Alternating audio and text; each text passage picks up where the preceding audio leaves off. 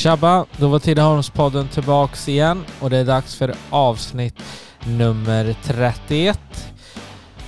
Det är fortsatt varmt och skönt ute och eh, hoppas ni kan njuta av eran semester, sommarlov med mera.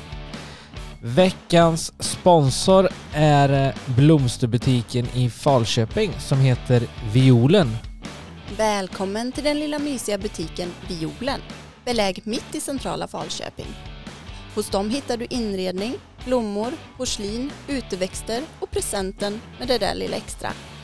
De utför alla typer av binderier, både vid glädje och vid sorg.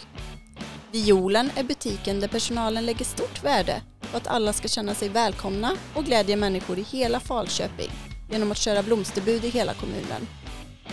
Under vecka 31 får du som anger Tidaholmspodden i kassan 30% på en vara. Följ dem gärna på Facebook och Instagram. Länk hittar ni på Tidaholmspoddens Facebook-sida. Jessica och tjejerna på violen hälsar er alla varmt välkomna till blomsterbutiken med det lilla extra beläget mitt i Falköping. Så, då var Tidaholmspodden tillbaks igen. Och dagens gäst är ifrån Falköping och nyss fyllda 26 år. Hon heter Emily Lund. Välkommen till programmet. Tack så mycket, jättekul att få komma. Ja, kul med några som inte är Tidaholmare också i och med att vi ska köra lite gäster från Falköping. Jag tror det blir nummer två ut i programmet i alla fall. Ja, spännande. Vad um, brukar göra så, backar tillbaka till uppväxt, skoltiden och lite idrotter som ung. Är du uppvuxen i Falköping eller? Mm, jag är uppvuxen i Falköping.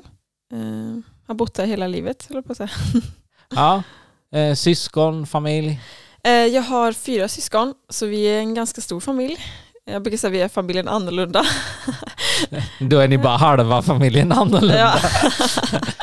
ja. Men vi är lite, lite knäppa. Men eh, jag har en väldigt bra kontakt med mina syskon. Vi är väldigt tajta så. Ja. Så jag har en storebror och så är det jag och så har jag en lillebror som är ett år yngre än mig. Och sen en lilla syster och sen en till lillebror. Så jag är näst äldst. Ja. Mm. Är det bra sammanhållning i familjen? Ja det är det. Eller vi... ni hänger ihop mycket va? Ja vi är väldigt tajta så och jag tror alla våra föräldrar har verkligen försökt att hålla ihop oss. Vi har gjort mycket tillsammans, varit ute mycket resor. Eh, gjort, ja, men när man är så många så är det inte så att man kan ta med några kompisar så, utan vi har fått lära oss att leka med varandra kan man säga. Eh, och sen har ju vi spenderat våra somrar i Spanien tillsammans. Eh, och jag tror att det har gjort att vi har fått en väldigt speciell sammanhållning. Ja, mm. ni, men ni är tajta och så är ni lite sportnördar hela högen också eller? Ja det är vi. Ja. träning om inte annat. Ja eller träning, ja. Hänger du på gymmet i Falköping så hittar du hela familjen Lund där. Jaha okej. Okay. Ni, när ni är ute och reser och så, är det mycket tävlingar emellan er? Ja, gud ja. Så bara se när mina bröder spelar paddelmatch. Jag kan flyga paddelrack fram och tillbaka. ja, okej. Okay. Och vet vem som tar också springer snabbast och tar mest i bröst och ja.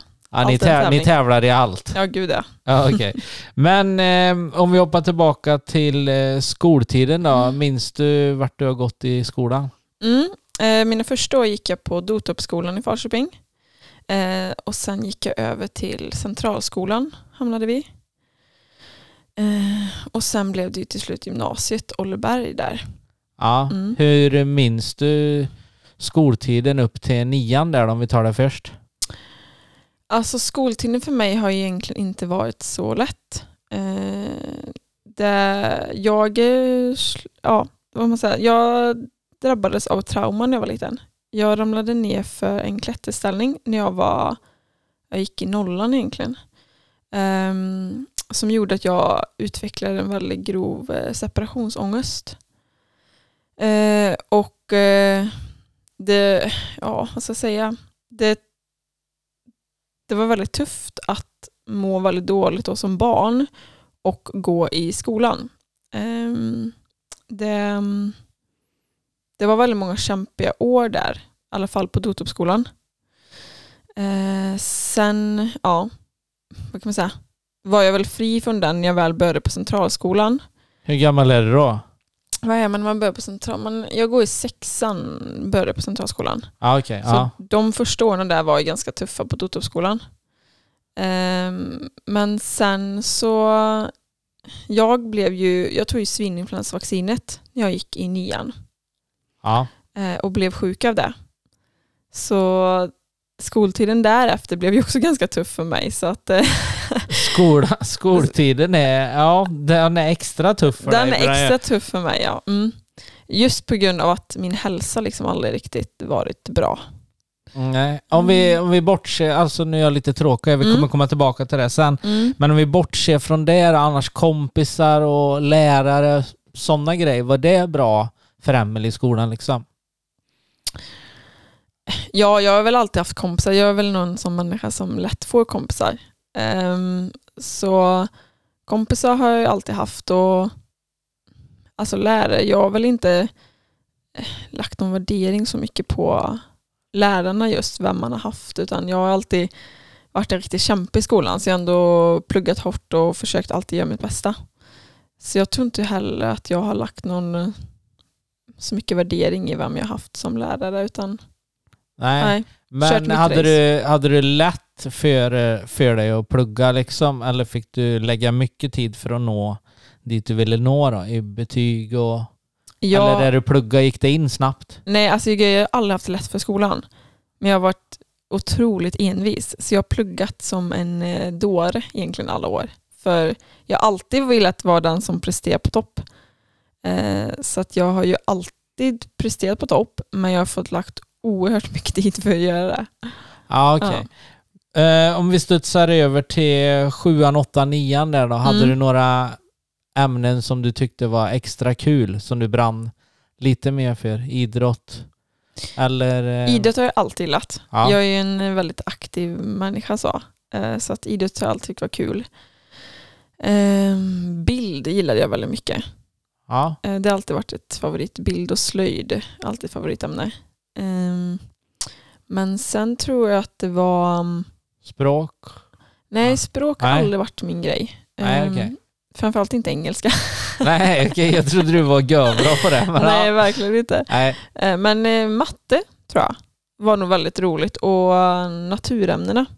Ja. Jag hade, då hade jag faktiskt en väldigt, väldigt bra lärare just i matte och NO eh, som gjorde att det var väldigt kul att gå till lektionerna. Ja, Mm. det, ju, det spelar nog in rätt mycket vem man har om man är, om den brinner för ämnet och är duktig på att lära ut. Det är inte alla, alla lärare är ju sitt bästa, det vet ju både jag och du, men Mm. alla kanske inte är superbra på att lära ut eller kunna ta alla i klass. Precis. Sen tror jag just den gruppen vi var, alla var väldigt ambitiösa och ville väldigt mycket. Så det var inte så här, det var inga så störande moment i klassrummet utan det var alla liksom kämpade hårt och det, jag tror det blev lättare som lärare också då. Ja. Eh, men var det i årskurs nio du fick sprutan mot eh, svininfluensa? Mm, precis. Hur, vad händer då? Eh, jag fick den och sen i slutet på nian så började jag känna att jag fick ja, men jag, mycket huvudvärk och så. Men sen var det egentligen bara några veckor innan jag skulle börja gymnasiet så var vi i Spanien. Eh, och där bröt den här huvudvärken ut på riktigt. Alltså jag fick kronisk huvudvärk, den släppte aldrig. Eh, så jag började gymnasiet, eh, började natur. Eh, men det var väldigt motgång så jag hade så fruktansvärt ont i huvudet. Och det, alltså det går nog inte ens att beskriva hur ont jag hade så jag började ju hamna efter ganska snabbt där. Och jag kände också att det, det är någonting som inte stämmer längre i, i min kropp. Ehm, Är det bara huvudet eller är det Mm, kroppen då, eller har du ba, då är det bara huvudet som gör jätteont. Eh, och det var inte så, så lätt. Eller jag, jag är ju en sån som kör på ganska mycket så. Så det var egentligen efter kanske, jag hade gått med den här kroniska huvudvärken i två månader och vi hade ett möte med vår lärare på den tiden.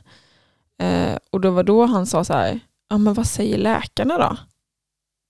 Och då kollade jag mamma på varandra och bara, ja, ja, vi har inte varit hos läkaren än. Ehm, så det tog ganska lång tid innan vi väl började söka för det. Eh, och läkarna kunde ju inte hitta någonting först. De, eh, det blev så att nästan sa att ja, men det är ju ja, men det är ju stressen. Så. Du, du är ambitiös, du är här häst, du pluggar natur. Men jag kände att det är någonting som inte stämmer. Det här är inte stressen liksom. Um, och sen gick det ytterligare några månader och så hittade de ett förhöjt tryck i eh, huvudet. Uh, I ryggmärgen rättare sagt. Så att det blir så att man har ju en vätska som går genom ryggmärgen upp över hjärnan. Och det var för högt tryck så det tryckte liksom på min hjärna hela tiden. Eh, så att ehm, där och då så sa väl läkaren till mig att ja, skolan är nog ingenting för dig längre. Um, och att den här huvudvärken, det skulle, nog, alltså det skulle inte gå att kunna plugga på det sättet som jag vill. Uh, så jag ja, litade väl på läkarna och kände väl kanske där och då samma sak att nej, men det här kommer inte gå. Så jag hoppade av gymnasiet faktiskt. Hur långt hade du gått eh, då? Är vi fortfarande i årskurs ett nu? Ja, precis. Ja. Vi hade nu, jag hoppade av i januari. Så det hade gått ett halvår på första året. Då. Eh, men sen så, ja, jag, jag minns det så väl för att jag låg hemma i sängen och det var så här, det var mörkt och jag bara, ja, bara låg där och sov och sov och sov och till slut så kände jag att det var som att man vaknade upp och inse att liksom, vad, gud vad har hänt? Jag, jag går inte i skolan längre. Jag, alltså, man ser sina kompisar ha hur kul som helst på Instagram. Och vad, vad hände med alla mina drömmar, allt jag ville uppnå liksom? Så det var som att jag vaknade upp och bara shit, nej men, nej men det, här, det här kan inte vara mitt liv. Jag, jag måste tillbaka till skolan igen.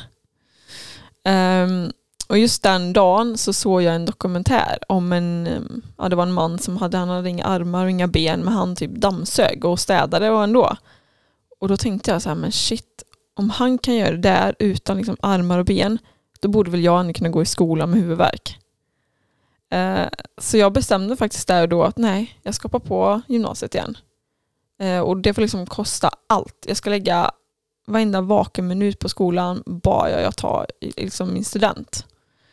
Så jag hoppade på gymnasiet där till hösten igen, eh, natur. Med, Fick du börja om då i ettan? Ja, då valde jag att börja ja. om. Ja.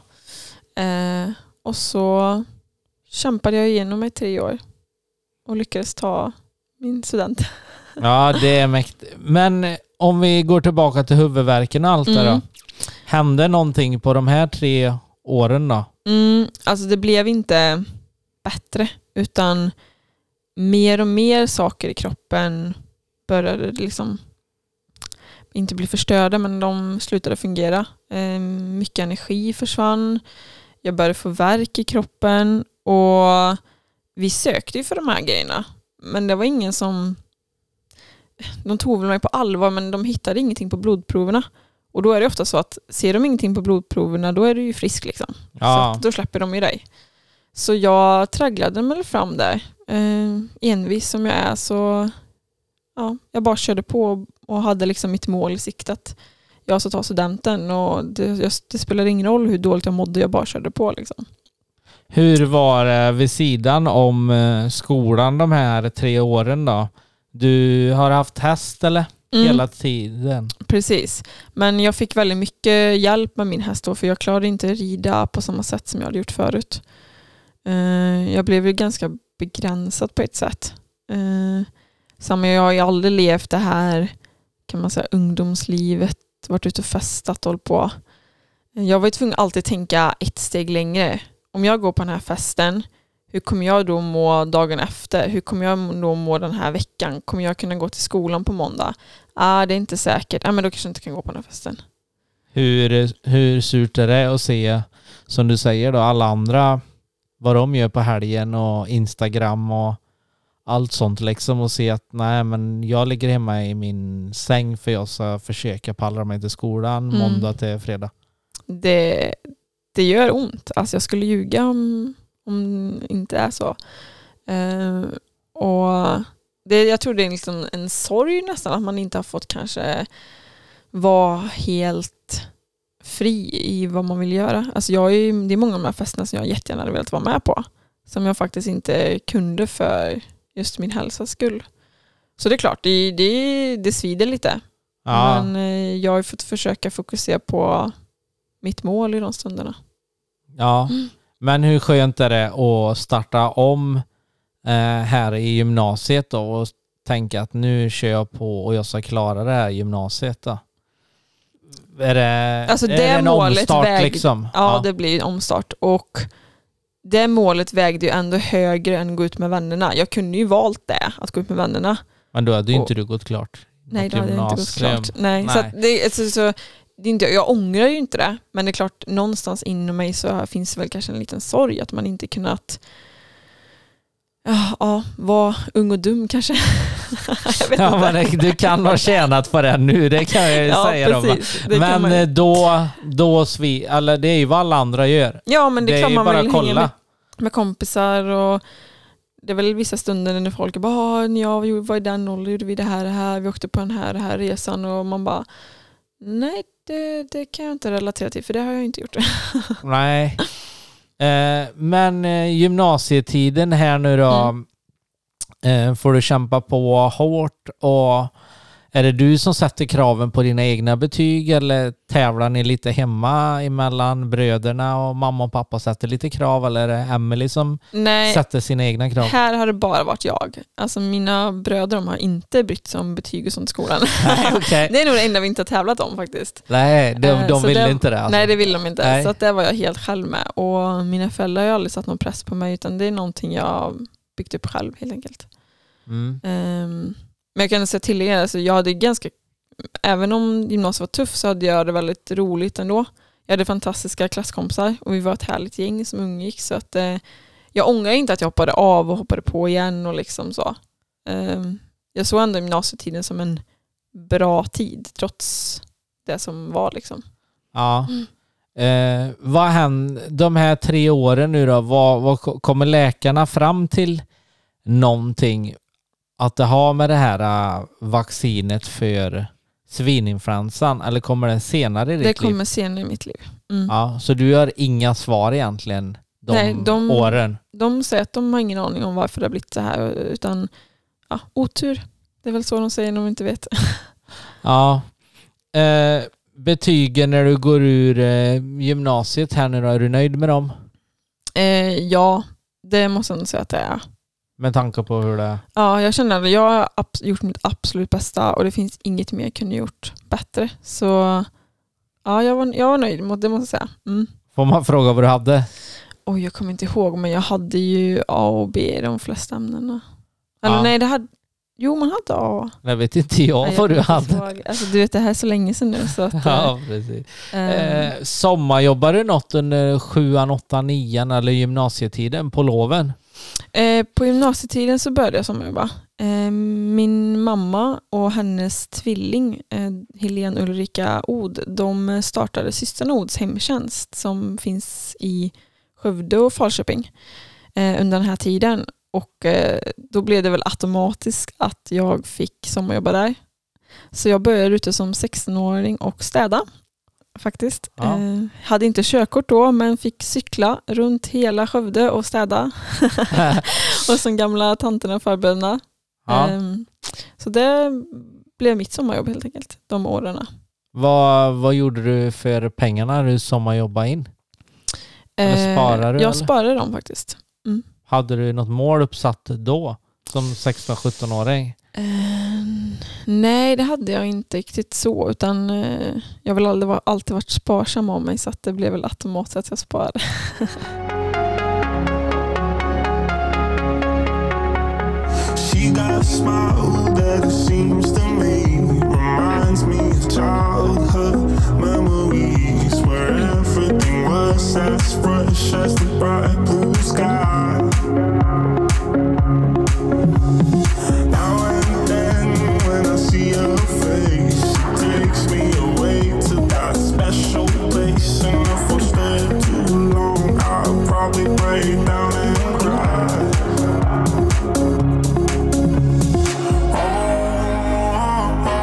sweet child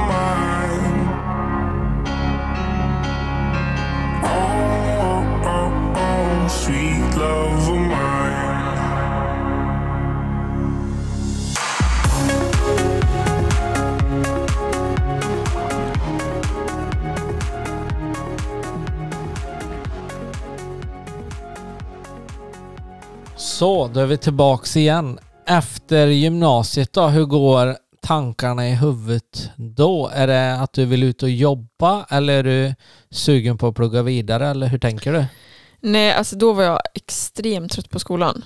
Jätte, vad ska man säga, skoltrött. Ja, Eh, så jag bestämde mig att jag skulle jobba ett år innan jag skulle plugga vidare. Och eh, då först hade jag väl tankarna på att jag ville bli läkare. Eh, så det var därför jag gick natur. Ehm, Och så fick jag en tjänst på min mamma och hennes mosters ja, företag Systrarna Od. Så jag blev planerare för städet där i Skövde. Så jag hade hand om både Farköping och Skövde och planerade städen och hade hand om personalen och kunderna och allt det där. Eh, Så där satt jag med i ett års tid. Och det var den här tiden som förändrade mitt liv ganska mycket. Eh, Jag var ganska, alltså ganska fri i mitt arbete där. Eh, Och såg väldigt mycket förbättringspotential. Alltså vad man kunde göra annorlunda och förbättra och ändra om. Och Eh, jag fick den möjligheten att göra detta eh, och det blev jättebra av det. Eh, så det var den här tiden jag insåg att shit vad jag älskar att ja, men vara fri i mina tankar och i min kreativitet. Jag kan få, få se ett problem, kunna få möjligheten att ändra om det som jag tror och sen liksom ja, att jag kan få liksom gå efter min magkänsla vad jag tror är bra. Eh, så här började det mer med tanken bara, shit, alltså jag skulle vilja bli egenföretagare. Och jag har alltid varit en väldigt kreativ människa, alltid hållit på med olika projekt och pysslat och fixat och ja, mår väldigt bra när jag får vara kreativ liksom. Eh, så då, det var här mina tankar började snöa på att shit, jag vill bli egenföretagare. Jag vill inte plugga till läkare. Ehm, och då var det egentligen min mamma som sa att men, skaffa en utbildning först. Det är, liksom, det är en bra grund att stå på. Eh, och jag var så här, shit vad ska jag läsa då? Jag har ingen aning vad jag vill. Jag vill ju liksom bli egenföretagare. Och då var det faktiskt vdn där på Sista Nord som var civilekonom. Hon sa, ja men läs till civilekonom. Och jag bara, okej, vad, vad är det då? Nej men då, då läser du liksom grunden i allt. Marknadsföring, ledarskap, ekonomi, redovisning. Det är perfekt liksom. Så jag tänkte, jaha, ja men det får jag väl göra. Så jag sökte in utan egentligen kolla så mycket vad det var, utan jag bara sökte. Um, kom in i Jönköping, eh, på Jönköpings handelshögskola där. Ehm, ja, och startade där helt enkelt. Hur eh, lång tid eh, pluggar du i Jönköping? Eh, det var, den var fyra år den utbildningen, varav ett halvår skulle vara utomlands då, så den tiden spenderade jag i Paris. Ja just det. Mm. Det är lite mäktigt än att sommarjobba i Skövde eller... Ja, det är lite Skara annorlunda kan jag säga att bo där. Ja. Eh, men eh, högskoletiden här nu då, pendlar du från eh, Falköping eller hur funkar det? Eller flyttar du ner? Nej, det var ju, alltså jag visste som sagt att jag ville bli egenföretagare här. Och då började jag ju planera i mitt huvud, hur ska jag göra det här på bästa sätt? Och då tänkte jag att om jag bor hemma och så pendlar jag, då kan jag spara ganska mycket pengar. Mm. Så jag pendlade mellan Falköping och Jönköping varje dag eh, för att spara inför framtiden. Ja, ja, det var ja, det är sjukt smart men det är mycket pendling också. Det är mycket pendling, det är det. Men det gick faktiskt väldigt bra. Tågen till Jönköping går väldigt ofta och det är inga byten. Och jag bodde precis nära tågstationen i Falköping och Jön, eller, Högskolan i Jönköping ligger också nära station så att det gick faktiskt över förväntan och så kunde jag plugga lite på tåget och ja, jag var väldigt effektiv med min tid. Ja, hur eh, hästen den här tiden då? Den Tävlar tog, du eller? Nej, den tog min syra över den här tiden. Så att det var mer eller mindre hon som skötte hästen. Ja, Mm. så du, det är fullt fokus på högskolan i Jönköping där då? Mm, precis. Eh, hur lärorikt var det att vara där nere i fyra år och plugga till detta? Otroligt lärorikt. Det är absolut ingenting jag ångrar. Ehm, man växte otroligt mycket som människa och jag fick väldigt mycket kunskap. Men man stötte också på väldigt mycket vad ska säga, problem och här träffade jag nog på väldigt mycket lärare som inte var bra.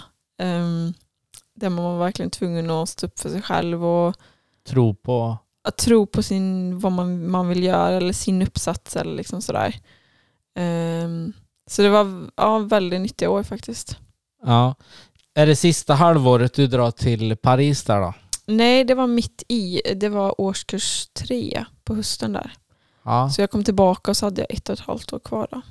Hur kommer tanken upp på att göra praktiken i Paris? Eller har du kontakter eller hur?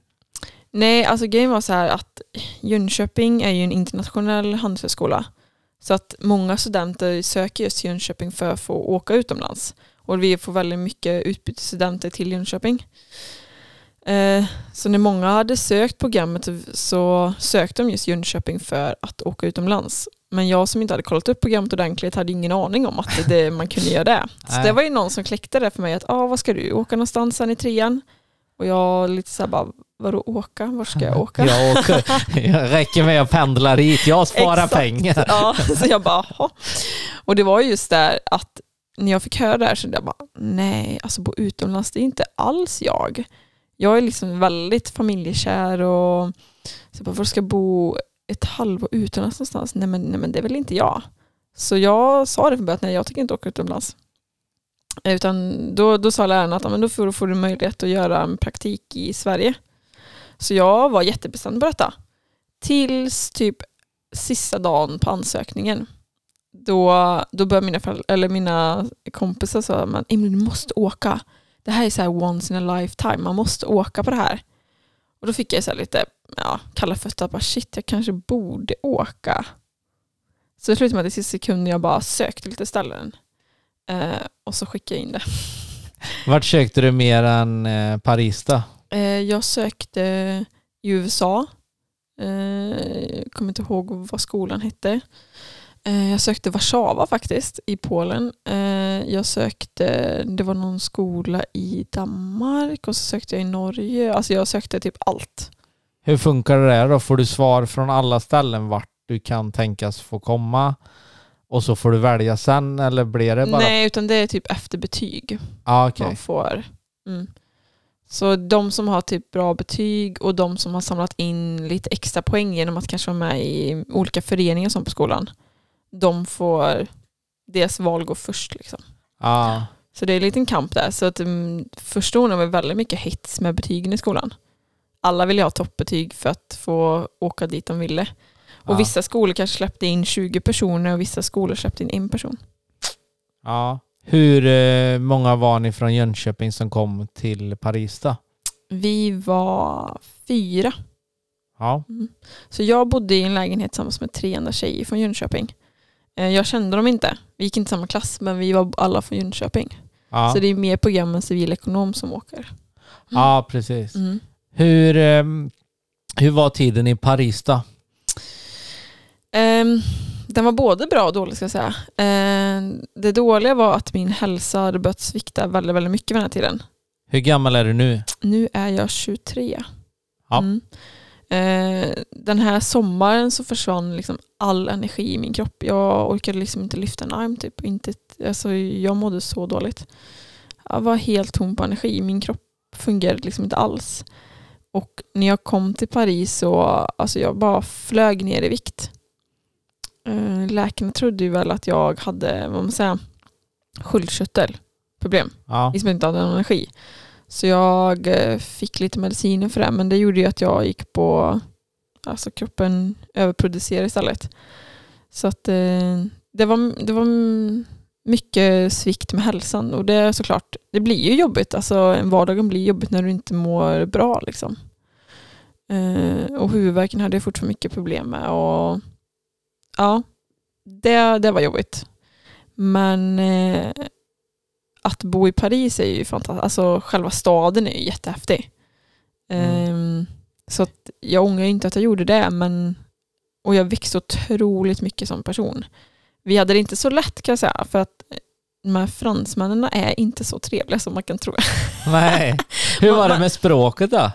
Nej, jag kunde inte ett ord franska. Nej, det, jag tänkte det, om du Nej. inte gillar eng och engelska gillar ju inte fransmännen som Nej. jag? Nej. Nej, men då hade jag ändå lärt mig bra engelska. Ja, Ehm, men eh, du vet, alltså de, alltså eleverna i skolan de vill inte ha någonting med oss att göra.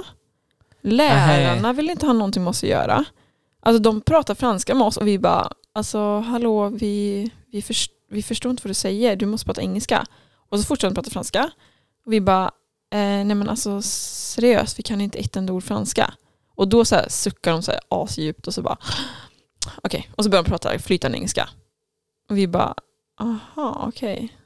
Så det var väldigt så att de inte ville prata engelska med oss och då eleverna ville ju helst inte umgås med oss. Och, mm. ja, det var, lite, det var väldigt, eh, väldigt speciell skola. Body on my mind, I got your body on my mind. Body on my mind, I got your body on my mind. Body on my mind, I got your I got your body on my mind. When you're in control, you know my weakness. Even though your back's against the wall, I can feel the scratches getting deeper. When you scream out my name,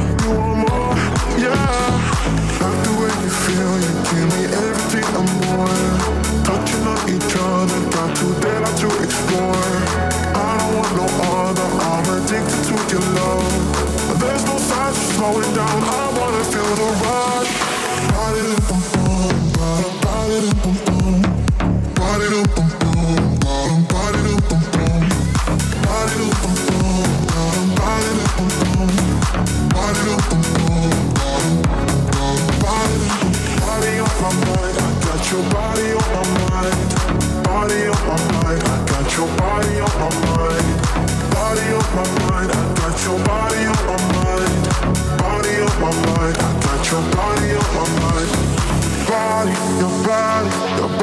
My mind. Your body, your body, your body on my mind. Your body, your body, your body on my mind. You got, you got, you got. Body dum bum bum, body dum bum bum. Det bästa med Paris, Emily då, vad var det för minnen därifrån som du inte kommer glömma? Alla brunchställen. Hungrigast i Falköpings kommun. Nej jag skojar. Ja, men Nej, jag men du älskar ju gillar gå ut och bruncha, alltså det är det bästa som finns. Vad matlivet i Frankrike överlag då? Är det mat som du gillade? Ja, alltså det är ju väldigt mycket eh, baguetter och sådär. Jag är ju en väldigt träningsmänniska, väldigt eh, hälsosam så. Ja. Så mm, både och. Det, alltså, man kan alltid välja vad man äter också. Ja, Ja. Det finns alltid något som passar mig. ja precis. En sallad. En sallad, ja ja. Men eh, sevärdheter då i Paris? Alltså ska man åka någonstans ska man åka till Paris om man vill se. Alltså det finns ju så otroligt mycket att se. Ja. Vi hann ju inte se allting och då bodde vi där ett halvår. ja. Eh, Så mycket finns det ju. Är det dyrt? Det är väldigt dyrt i Paris. Ja. Det var det. Det var nästan en chock när man kom att det var så dyrt. ja. Ehm, och vi bodde ju gatan bredvid Eiffeltornet. Oj. Så du kan Då tänka hur dyrt det var. Ja. det kan också vara extra dyrt där. Är det någonting ni betalar själva eller står skolan för detta? Nej, vi betalade allting helt själva faktiskt. Och ni var fyra pers i en lägenhet? Mm. Och vi hade en hyra på 10 000 var i månaden. Var? Var. Så vår hyra låg på 40 000 i månaden. Aha. Nej, jag har hört kompisar som har varit i Norge och då har de tyckt att det har varit dyrt. Ja. Men eh, kom igen liksom. Ja, och du vet, i alltså så centrum i Paris finns det inga mataffärer så på det sättet. Så det kändes som att typ handla i en sån här 7-Eleven, det var ju också svindyrt. Ja. Så man bara, uh, whoops. Men eh, mat, eh, annars så käkar ni i skolan? Nej, vi lagade faktiskt mat till lägenheten och hade med oss. Ah, okej. I skolan var det mycket så här pizza och pommes frites och alltså, där var det inte bra mat. Nej, så matchar inte din matchade livsstil. inte min, så nej det gick inte. Nej, Och kaffe med socker i och ja, nej. nej okej då. nej. Ja, men eh, hur som helst, eh, halvåret i Paris var ändå väldigt lärorikt och nyttigt för din del. Fan, jättebra. Det var jättebra kurser. Och lärarna där var väldigt, eller de, de var inte så trevliga men de var väldigt duktiga för de var inhyrda från olika företag så de var inte egentligen lärare. Eh, Så en av dem jag hade i marknadsföring, det var egentligen han som grodde vad ska man säga, idén till Hemtrevligt faktiskt. Mm. Eh, för jag gick ju runt här av mina år på civilekonom och tänkte att ja, vad, vad ska jag starta för företag? Och jag fick väldigt många idéer men det var inget som jag kände så här, det, yes det här, det här ska starta.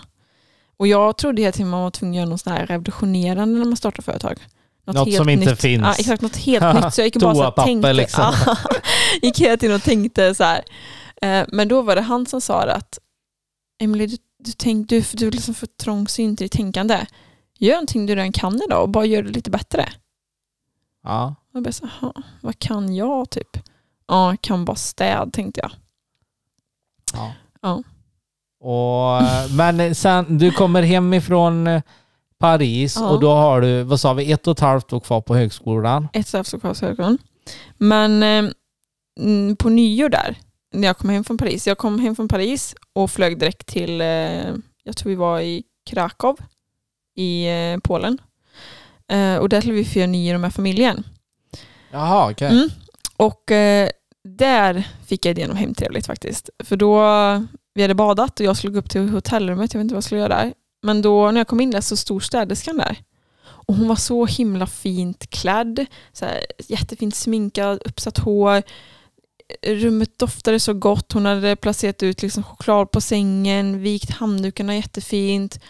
Och, jag- alltså, det var sån hemtrevlig känsla. Det var så, jag bara stod där och så bara gud vad underbart det här. Alltså, jag blev så bara glad i själva situationen. Eh, så vet jag, jag gick ut därifrån och tänkte så här, ja, alltså varför har man inte så här hemma? Och då var det som polletten trillade ner och jag bara, ja, varför har man inte det så här hemma? Det finns ju inget sånt här städbolag idag. Och så insåg jag att ja, men jag kan ju faktiskt städbranschen. Och jag skulle faktiskt kunna göra det här.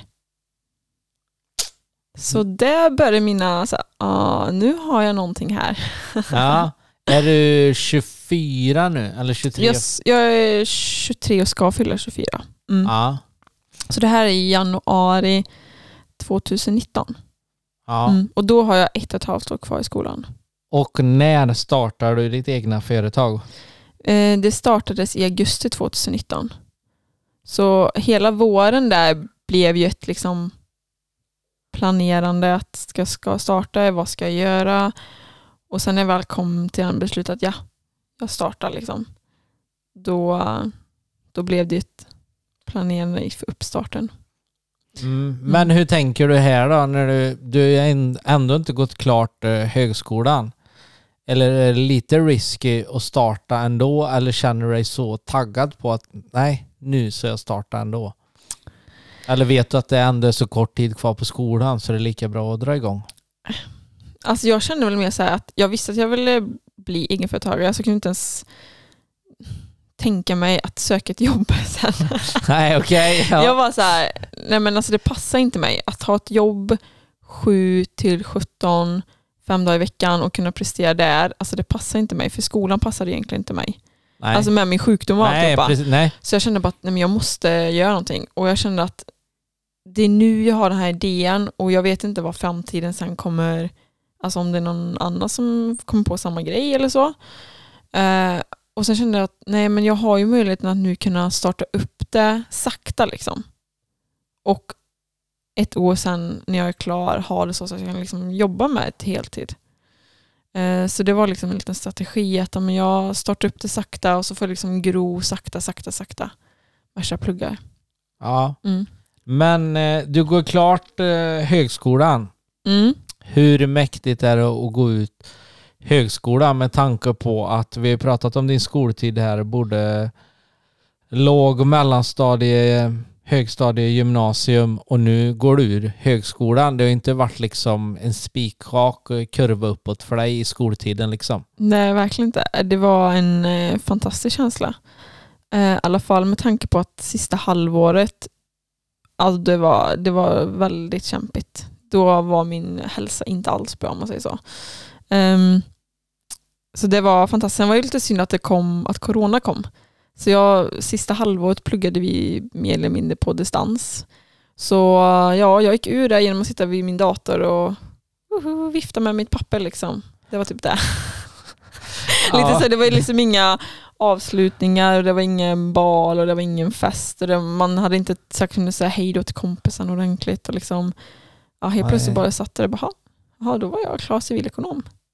Okej, Mm, okej, ja, då går jag vidare nu då. Lite konstig känsla men eh, ja, såklart jätteskönt. Jätteskönt. Mm, men ni har fått varit nere i Jönköping efteråt och dra på mässa och... Nej, alltså vi fick Eller- en tid för foto. Så vi i alla Aha. fall kunde få ett foto och då fick man på sig den här dressen. Okej. Men vi har inte haft någon avslutning. Det skulle blivit i september 2020. De flyttade fram det lite men sen gick det inte då heller. Sen sa det att de, att det skulle bli nu i juni men det blev ingenting heller. Så nu känner jag, men alltså jag har lämnat det där nu. Nu spelar det ingen roll. Nej, men själva känslan i alla fall. Känslan och fantastisk. fantastisk. Mm. Men direkt efter här nu, när gick du, när var detta avslutat sa du? Det var I nyss? juni 2020 gick jag ut. Ja.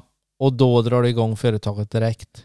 Ja, Ännu mer alltså? ja, det kan man väl säga. Det är väl att jag ännu mer lä- lägger mer tid på det kan man säga. Mm. Det blir ju 100% då. Tidigare så var det ju min, samma veva som jag startade så eh, mina föräldrar sålde Syster Nords hemtjänst. Eh, och min pappa hade jobbat där också. Eh, så då blev det att ja, han visste inte riktigt vad han, han skulle göra så att eh, han sa men jag, jag hjälper liksom starta igång. Så han började att hjälpa mig. Och min syster tog precis studenten också. Eh, Så hon började också på hemtid. Så det var egentligen de som var de första som var ute och städa och jobba. Faktiskt. Ja. Ja, så de ja, gick ut, gjorde väldigt bra städ. Vi eh, skapade oss, men alltså, vi, vi gjorde väldigt bra jobb som gjorde att liksom, ryktet spred sig. Eh, vi fick samarbetspartners. Vi gjorde allting bara sakta men säkert med kvalitet. Liksom. Men vad, vad är, ja, men vad är, vad är skillnaden om du ska förklara för eh, de som lyssnar nu då? Vad är skillnaden på att ta hem ett vanligt städbolag varannan vecka och städa sitt hus kontra på att ta ditt företag, Hemtrevligt? Va, vad är skillnaden? Vi, jag skulle vilja säga att vi är lite premium, premiumstäd. Vi, ehm, vi försöker förmedla hotellkänslan ute till kunderna. Eh, kvalitet, trygghet och väldigt bra service. Ehm, det, det, det handlar mer än att bara göra ett rent hem. Det handlar mycket om bemötandet och servicen runt omkring. Eh, och som sagt, vi jobbar väldigt mycket med kvalitet och um, Alltså att det, jag kan tycka att städbranschen är väldigt fyrkantig. När man kommer hem, många städbolag som kommer hem, de är såhär, ja vi gör det här, det här, det här. Och så är det typ hälften de inte gör i huset. De lyfter inte på grejer och de bär inte ut några mattor eller liksom kan inte tänka sig ta ugnen eller det gör inte vi, det gör inte vi. Det är så mycket, det här gör inte vi. Medan vi är typ så här, hur vill ni att vi ska städa? Hur vill du att vi städar ditt hus? Alltså, alltså huset är ju ens tryggaste punkt i livet. Alltså det är ju det tryggaste man har. Och det mest värdefulla man har. Och det behöver man liksom ta hand om omsorg. Ehm, och vissa människor är ju så att de vill att man städar på ett visst sätt och då gör ju vi självklart det. Vi finns till för kunderna. Vad vill du få ja. hjälp med liksom? Eh, så att huvudsaken är att de är nöjda och känner att det känns bra liksom. Och sen jobbar vi att man alltid har sin egen städerska. Det är samma person som kommer varenda gång, samma tid, samma dag. Ja men då blir det ännu mer tryggt. Jag Ja. tänker på äldre, Mm. framförallt äldre då. Eller lite som är men hemvården eller vad du nu vill. Liksom att det är 17 personer kommer springande på en månad till en person. Mm. Det går inte att säga att det är som är trygghet oavsett vad cheferna i kommunerna säger. Liksom. Nej men verkligen inte. Eller så. Sen gör ju de ett kanonjobb och det är Mm. inte de som har bestämt att det ska vara 17 personer. Liksom. Mm. Och jag brukar säga att våra städerskor är kundansvariga. Alltså de, de sköter sina kunder. De har sina kunder, de har kontakten och varje gång de kommer hem till deras hem så vet de att ah, men sist då tog jag ovanför garderoberna, det behöver inte jag göra idag. Så de kan hela tiden pyssla om huset, göra det här lilla extra hela tiden. Och de också lär känna personerna, vad värderar de, vad är viktigt för dem? Mm. Och det är verkligen olika i varenda hem. Eh, kunderna hemma när ni är ute och gör städet eller oftast inte? Oftast inte. Det blir lite Mm. enklare om de inte är hemma, kanske. Beroende på hur stort hus det är. Ja, det är olika såklart. Ja. Eh, Men många tycker det är skönast att inte bara vara hemma. Ja. Och många, vi har väldigt mycket barnfamiljer, mycket stora hus. Eh, För vi har så att vi har minimum tre timmar Mm. på städ. Vilket gör det både enklare för de som städar, att de har, ja, de har två hus varje dag som de städar. Eh, Det blir mer tid på varje ställe och det blir inte det här fläng och farande liksom som kan bli. Och ingen stress för Ingen dina stress. anställda Nej. heller då? För mig är det jätteviktigt att de som, alltså mina medarbetare de, att de mår bra. Vi är liksom som en familjeteam. Och jag tror att när man mår bra på jobbet, tycker det är kul, det är då man gör det bra. Det är då det blir bra. Liksom. Eh, så jag är ju extremt noga med min personal. Eh, så att alltså många av min personal har inte ens jobbat med städ innan. De har varit i helt andra branscher okej. som jag har handplockat in för att de är liksom väldigt service-minded och vill göra ett bra jobb. Och, och till skillnad från många andra städbolag så Alltså många andra städbolag så här, de försöker in så billig arbetskraft som möjligt, de sänker priserna och de slåss liksom där nere. Vi är tvärtom. Vi har höjt priserna lite och så kan vi ge bättre lön till våra anställda och bättre villkor. Ja. Eh, Och bättre arbetsmiljö helt enkelt. Jo, men det är viktigt och framförallt och för att du som chef ska få de du hand, alltså skulle du lägga dig på Ja, nej men man kan nog räkna ut, det snacket går ju Mm. oavsett vilken bransch det är. Det behöver inte vara städbranschen. Mm. Alltså plockar du in det billigaste av det billigaste Mm. så vet ju folk det. Ja, Men det är ju så, alltså, du kan ju inte ta hem en, heller en, en snickare och betala ingenting och tro att det blir bra gjort. Liksom. Nej. Det, det funkar inte. Alltså, man får betala för kvalitet och det gäller även städ. Det är ja. många som inte riktigt har förstått det än. Nej, precis. Vad, vad skulle du säga, Emily, är det bästa med att vara egen företagare? Friheten. Och nu menar jag inte friheten i tid utan friheten att kunna få göra vad jag vill. Att få idéer och få skapa saker, få ändra om, att få prova mig fram. Alltså jag kan säga att jag får vara så kreativ i mitt arbete. Det är det bästa, att vara helt fri i det. Det är ingen som säger så här ska du göra eller så här måste du göra eller det där är fel eller det där är rätt utan jag får gå på min egen magkänsla. Ja. Har du sprungit på... um, hur länge har du haft företaget nu då? Nu är det snart två år. Ja. Ja. Har du sprungit på någon eh, nit eller har du trott på en grej som kanske inte, du behöver inte säga vad, men Mm. som eh, inte har lyckats? Som du trodde på, det här kommer funka, fast det kanske inte har funkat om man får göra om det lite. Man måste ju vara flexibel menar jag, som för, Mm. du kan ju, Precis. allt du säger är inte rätt. Nej gud, nej, verkligen inte. Så är det. Fast det är det ju när du pratar med dina anställda. Ja, så är det jag. Nej men grejen alltså, jag, som sagt, jag har ju inte har någon erfarenhet av företag innan. Så jag har ju lärt mig av erfarenheten. Jag har stött på problem, fått lära mig, lösa situationen och lärt mig någonting av det. Och så har man stött på nästa problem. Och så får man försöka lösa det och läsa där. Så att det är klart jag har gjort många nitar. Det ska Ja. jag inte säga. Men jag har också lärt mig mycket utav det. Och Ja. det tror jag, alltså jag lär mig av erfarenheten just nu. Ja. Mm. Och det är Eh, det jag tror med många med egenföretagare, många är så rädda att starta eget företag för de tänker att de inte kan. Och många av mina vänner brukar säga till mig, ah, men du är så duktig, du kan så mycket. Jag brukar säga, eh, jag kan ingenting. jag lär mig. Ja. Att man måste våga och inse att det finns liksom inte en definition av vem som är företagare och inte. Utan det handlar om att ibland bara våga kasta sig ut och lära sig helt enkelt. Mm. Dina egna arbetstider då, hur skulle du säga att de är måndag till fredag? Eh, jag brukar säga att jag jobbar jämt men aldrig. Nej men det blir ju att företaget flyter ihop med mitt liv på något vis. Ja. Eh, det är klart jag, jag försöker verkligen ta mig tid och gör saker med kompisar och sådär. Men det blir ju mycket företagande. Men jag, är, för mig är det inte en belastning. Jag tänker inte att nu jobbar jag och nu jobbar jag inte utan det liksom bara flyter in i mitt liv så här naturligt. Och jag tycker att det är kul. Det är det som ger mig alltså en motivation och drivkraft framåt i livet. Men har du någonting då som du inte ruckar på liksom det här den timmen i veckan då gör jag alltid det eller varannan lördag gör vi det med familjen eller kompisar. Alltså någonting du inte skulle, det spelar liksom ingen roll om det är jobb då utan då stänger jag av mobilen och då är jag inte chef liksom. Eller det är svårt. Jag försöker, jag försöker ha helgerna fria. Ja, Det är någonting jag verkligen jobbar fram. Att ha helgerna fria. Ehm, men sen... Nej, det är inget, som jag har så direkt som är jätteviktigt. Så. nej. Men ni startade eh, Hemtrevligt i Falköping eller? Mm, precis. Hur många städer finns ni i nu? 2021? Eh, det är lite olika. Om man tänker på flyttstäd så har vi ett samarbete med Fastighetsbyrån. Så där är vi i, i ja, alla städer 10 mil runt omkring Falköping. Så bort mot Trollhättan, Alingsås, Skövde. Vi börjar ta oss ner hos Jönköping där.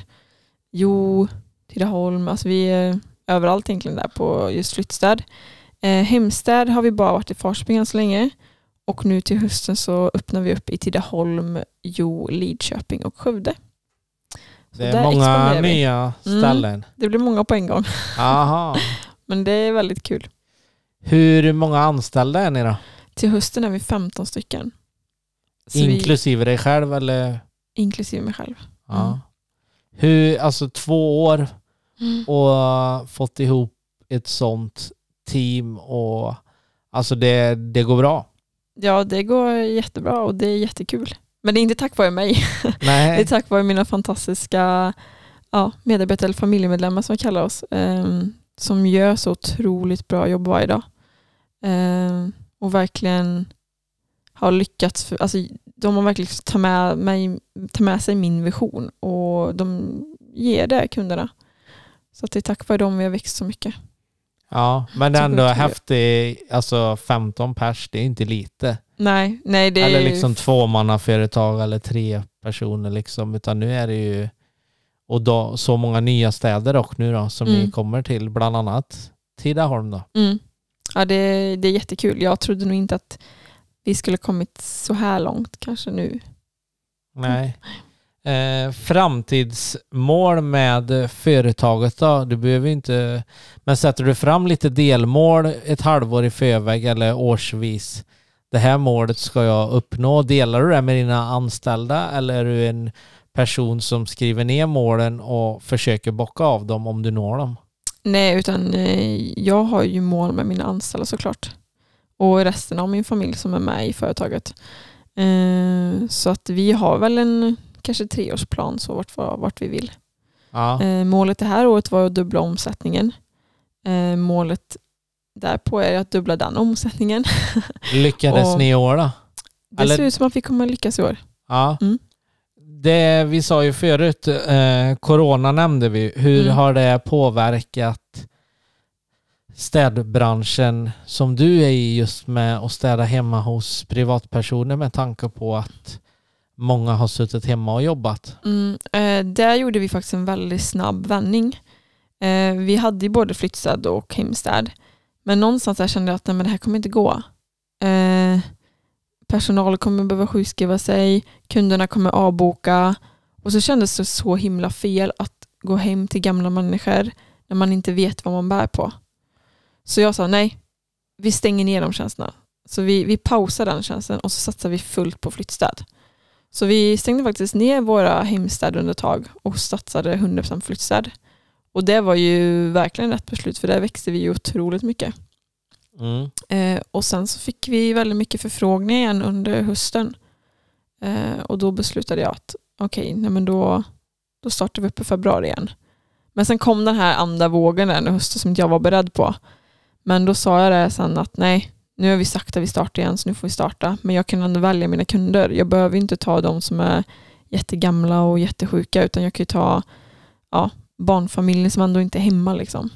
Ja, Mm. och samma att folk hör av sig till er också då när de känner att nej men nu kan vi köra igen och vi be- Nej men det är klart, är de inte hemma Nej. så är de inte hemma liksom. Precis. Och sen är det ändå skönt att få tillbaka det de kanske hade pausat ett tag också. Ja, precis.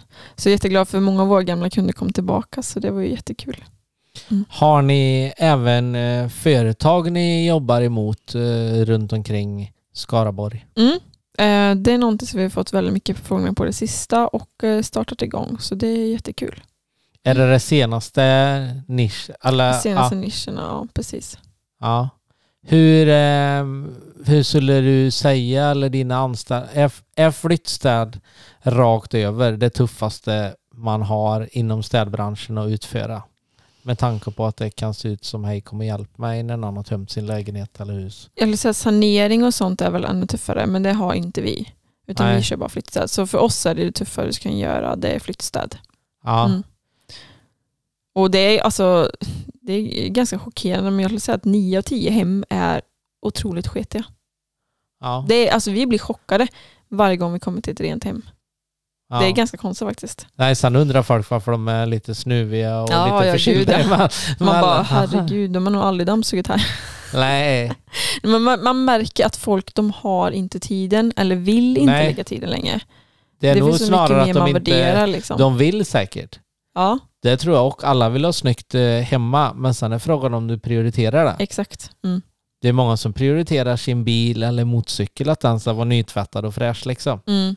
Men eh, hemma kanske Men det inte... syns väl mer utåt också. Ja, det man- gör det det. Sen beror det på om du bjuder in folk.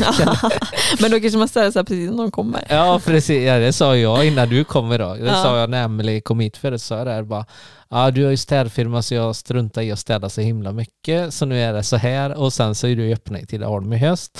Så då kan vi höras av igen. Ja, det blir perfekt. Det blir Men mina, föräldrar, eller mina kompisar brukar vara tvärtom. De är livrädda när jag kommer så de brukar städa jättemycket. Aha. Ja. Är du så, skulle du kunna driva med någon kompis då och vara så här bara dra fingret över en list? Jaha, det här glömde du. Bara ja, men det att... måste man ju. Jag älskar ju jävligt lite med folk. Ja, Så det kan jag ju lätt göra. ja. Ja. Vad ehm, eh, annars då planer här framöver i sommar då? Hur ser det ut? Blir det Spanien igen? ja, det blir faktiskt två veckor i Spanien. Ja. Mm. Det har varit väldigt, jag har varit väldigt eh, kluven i detta. Eh, och det har gjort att jag diskuterar väldigt mycket med andra företagare som jag har kontakt med.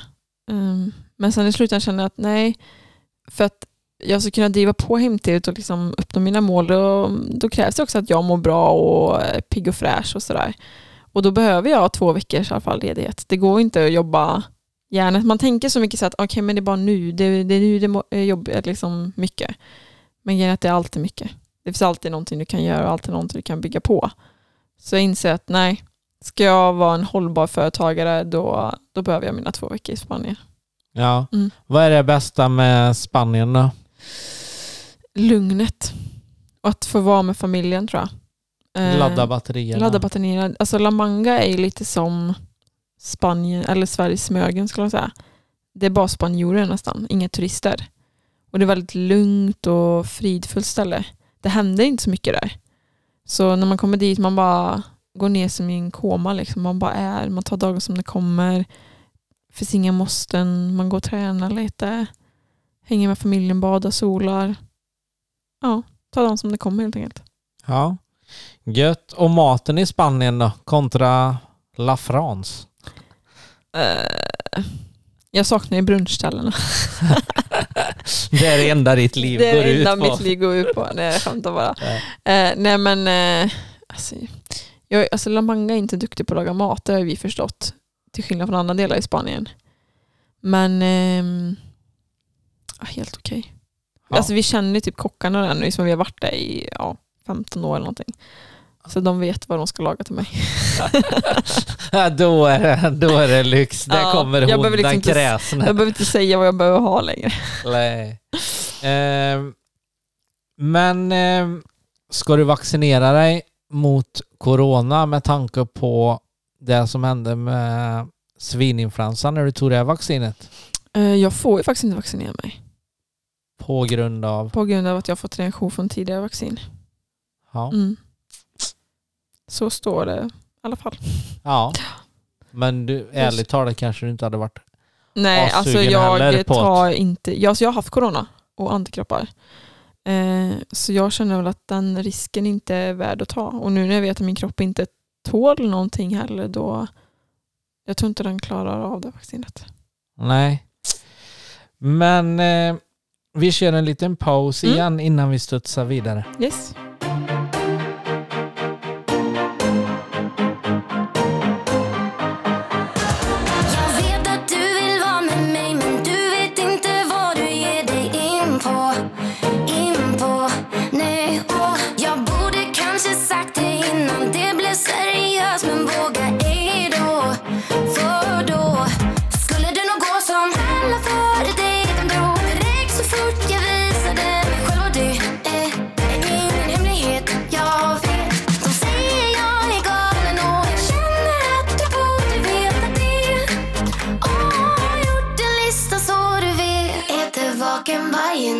Två jag dricker varje slatt och tre jag kan vara helt besatt och fyra gå till här från skratt på fem jag kompromissar knappt så sex spring hem dig snabbt kan lista mera för jag är komplicerad Ah, ah, ah, ah,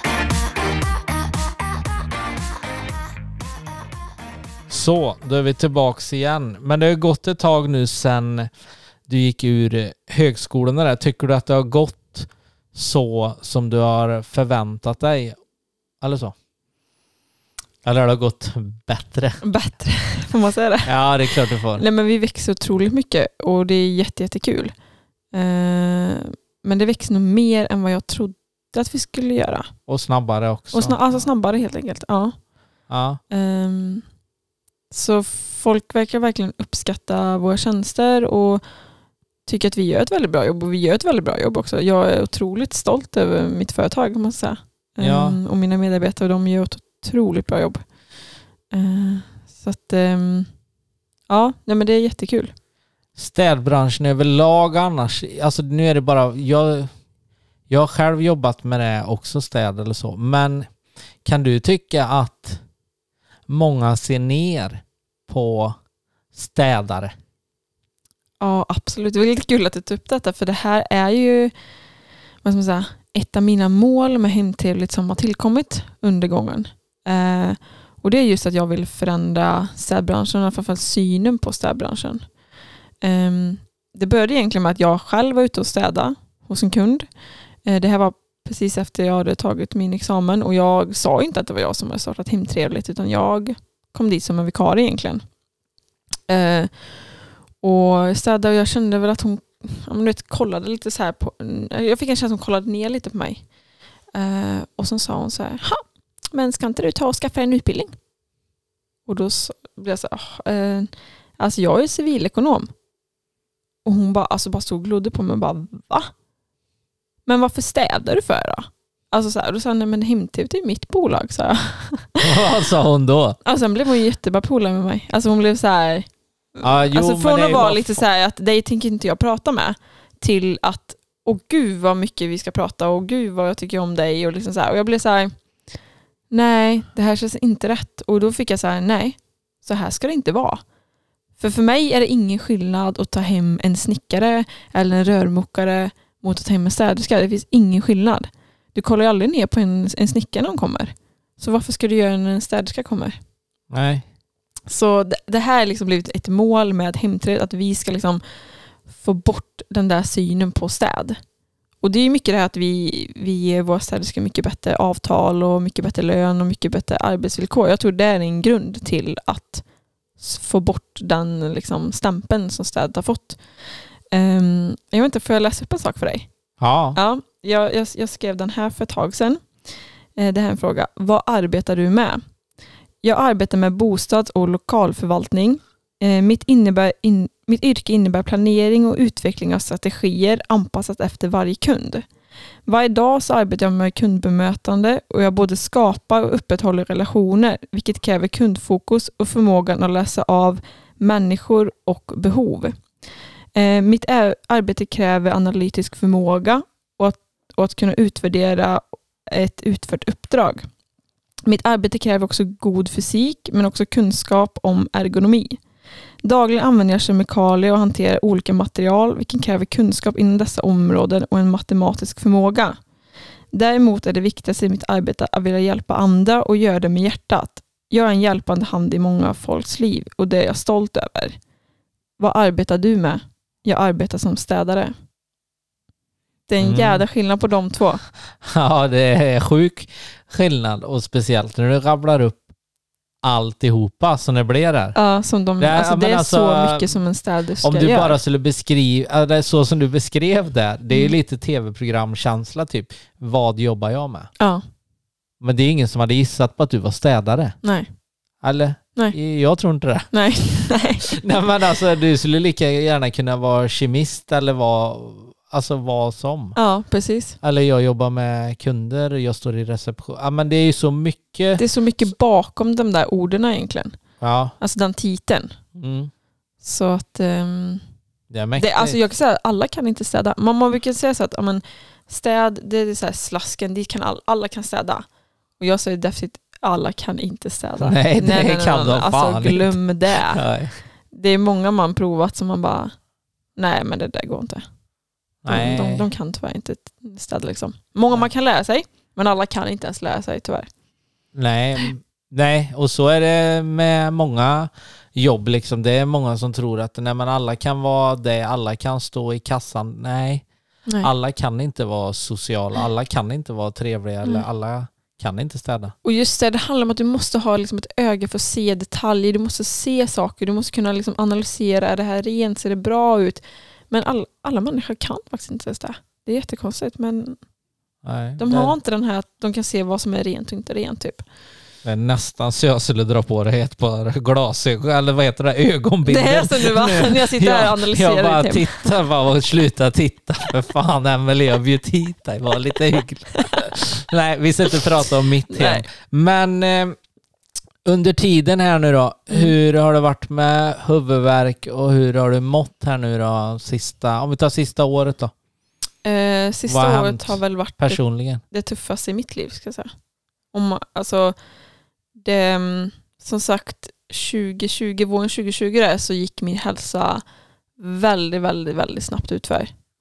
Eh, jag började känna mig sjuk. Alltså att varje dag hamnade jag i en, en känsla att jag hade influensa.